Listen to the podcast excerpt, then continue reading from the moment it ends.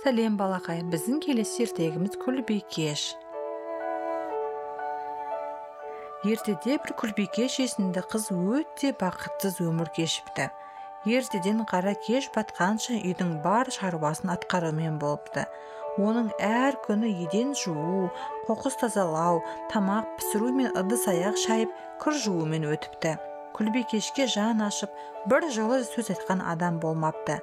Күлбикеш күн сайын жан таппай еңбектенсе де теріс ниетті өгей шешесі мен оның ерке қыздары істегенін жақтырмай күлбикешті ұрсып сөккеннен шашырмапты. Бірақ күлбикештің мейірімділігі соншалық оларға ешқашан қарсы сөз айтып ашуланбапты. Түн әбден батқанда ғана шаршап шалдыққан күлбикеш пештің қасына үйілген күлдің үстіне жатып демалады екен. Анасы мен әкесі тірі кезіндегі бақытты өмірін есіне түсіріп көзіне жас алып ұйқыға батады екен. Күндер өтіп жылдар ауысса да күлбикештің өмірі еш өзгермепті. Күн сайын таң арайлап атқанда күлбикеш дәл сол күлдің үстінде дәл сол ысталған ас үйде оянып күн сайын дәл сол бітпейтін шаруасын атқарыпты. Ақыры күндердің бір күнінде оларға бір хат келіпті. Өгей шешесі хатты оқи сала неткен керемет хабар деп риза болады. Қыздар бұл хат патша сарайынан келген хат.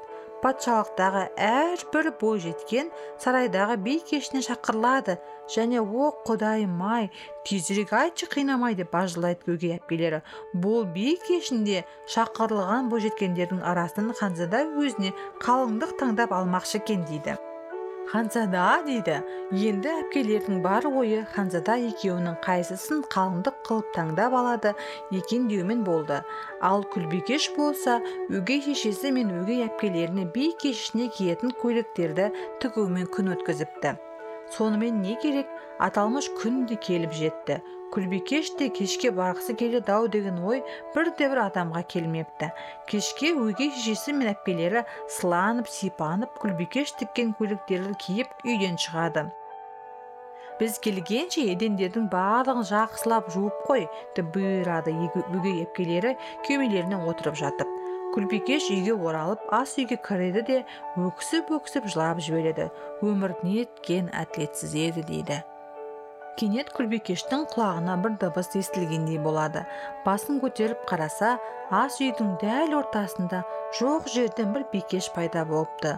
Жасыңды тия ғой алтыным мен сенің күндік шешеңмін деп бастайды бикеш жұмсақ үнмен.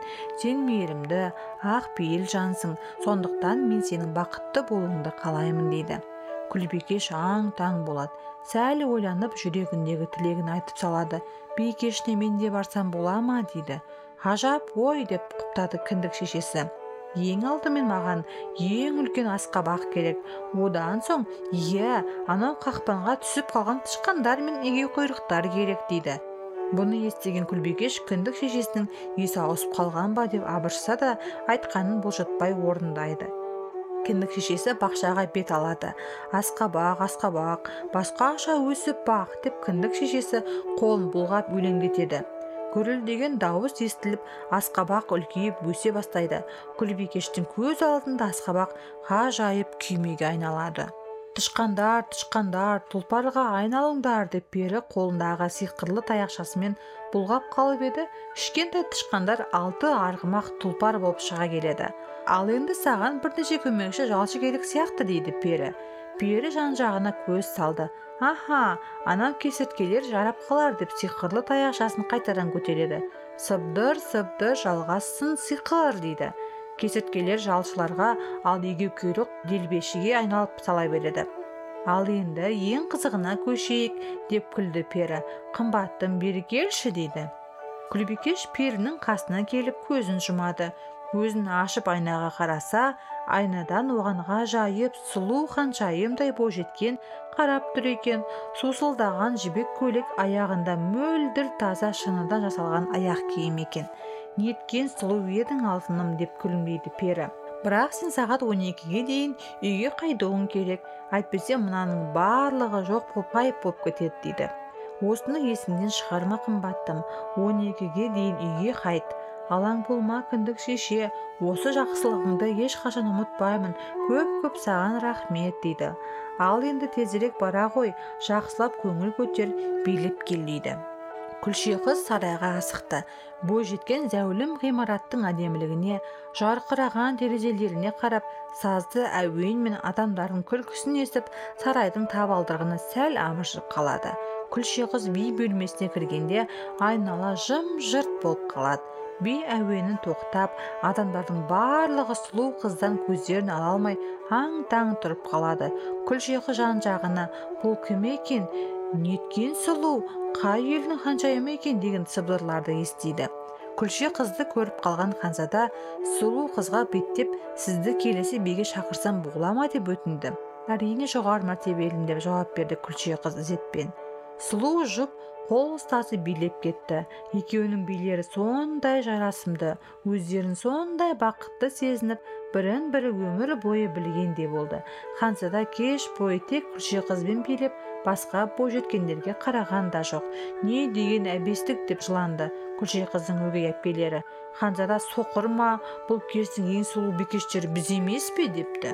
Күлше қыз да ханзада да кештің аяқталғанын қаламайды. Олар билеп әңгіме айтып уақытқа мүлде көңіл бөлмепті. Осылайша сағаттың түнгі он екіге таяғанын байқамай да қалады. Кенет күлше қыз сағаттың он екіні соға бастағанын естіп қалады. Ой құдайым ай мен дереу кетуім керек деп есік жаққа қарай бет алады. Жоқ жоқ тұра тұршы кетпеші деп ханзада күлше қыздың артынан ұмтылады. Бірақ абыржыған күлше қыз артына қарамай жүгіре жөнеледі. Ол бәрі ғайып болып оның кім екенін біліп қоя ма деп қорқып кетті. Жүгірген бойы бір шыны кебісі шешіліп қалып сарай баспалдағына қалып қалады. Оны көтеруге уақыт жоқ екінші кебісті шешіп алып күлше қыз жүгіре берді жүгіре берді. Осы кезде сағат соңғы рет соғып бар сиқыр ғайып болады. Күлше қыздың әсем көйлегі бұрынғы жұпыны киімге күймесі қайтадан асқабаққа ал көмекшілері егеу құйрықтарға айнала бастады. Аң-таң болған ханзада күлше қыздың артынан жүгіреді. Бірақ оны қанша іздегенмен таба алмайды. Қайдасың? Өтінемін ең болмағанда атыңды да сұрамаппын ғой деп азар да безер болады. Талдың арасында тығылған күлше қыз жауап қайтаруға батылы жетпейді. Жүрегі жаралы ханзада сарайға қарай беттейді. Кенеттен көзі бір жылтыраған затқа түседі. Қараса шыны кебіс екен. Жүрегін жаралаған сұлу бикеш жоғалтып алған болу керек деп ойлайды. Ханзада күлше қыздың артынан көмекшілерін жібереді. Ал олар күймеге мінген керемет ханшайымды іздейді. Сондықтан қастарынан өткен қарапайым қызға көздерін де салмайды. Күлше қыз үйіне оралады. Бұл кештен оған естелік ретінде қалғаны тек бір кебіс қана екен. Күлше қыз сол кебістің қалғанына да риза. Іштей кіндік шешесіне алғысын айтып үйіне кіреді. Келесі күні сарай жақтан керней үн естіліп халыққа мынадай хабар жеткізіледі.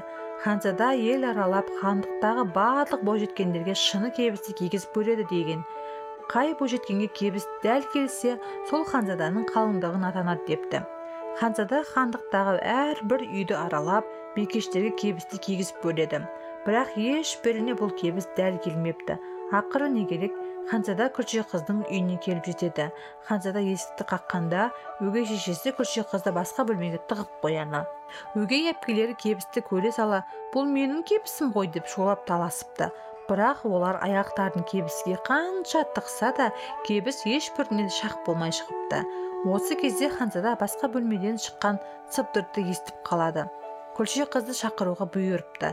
Жоқ жоқ ханзада бұл есі ауысқан біздің малай қызымыз. Оған кебіс қайдан шақ келсін деп араласады өгей шешесі.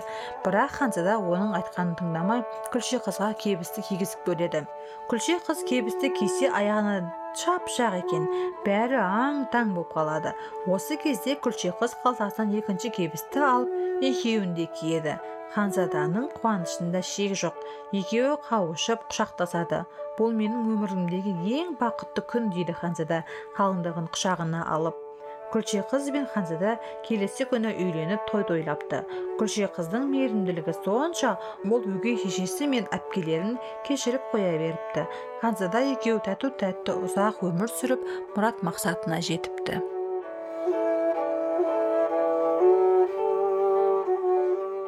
Осымен ертегіміз аяқталды. Қайырлы түн томпағым.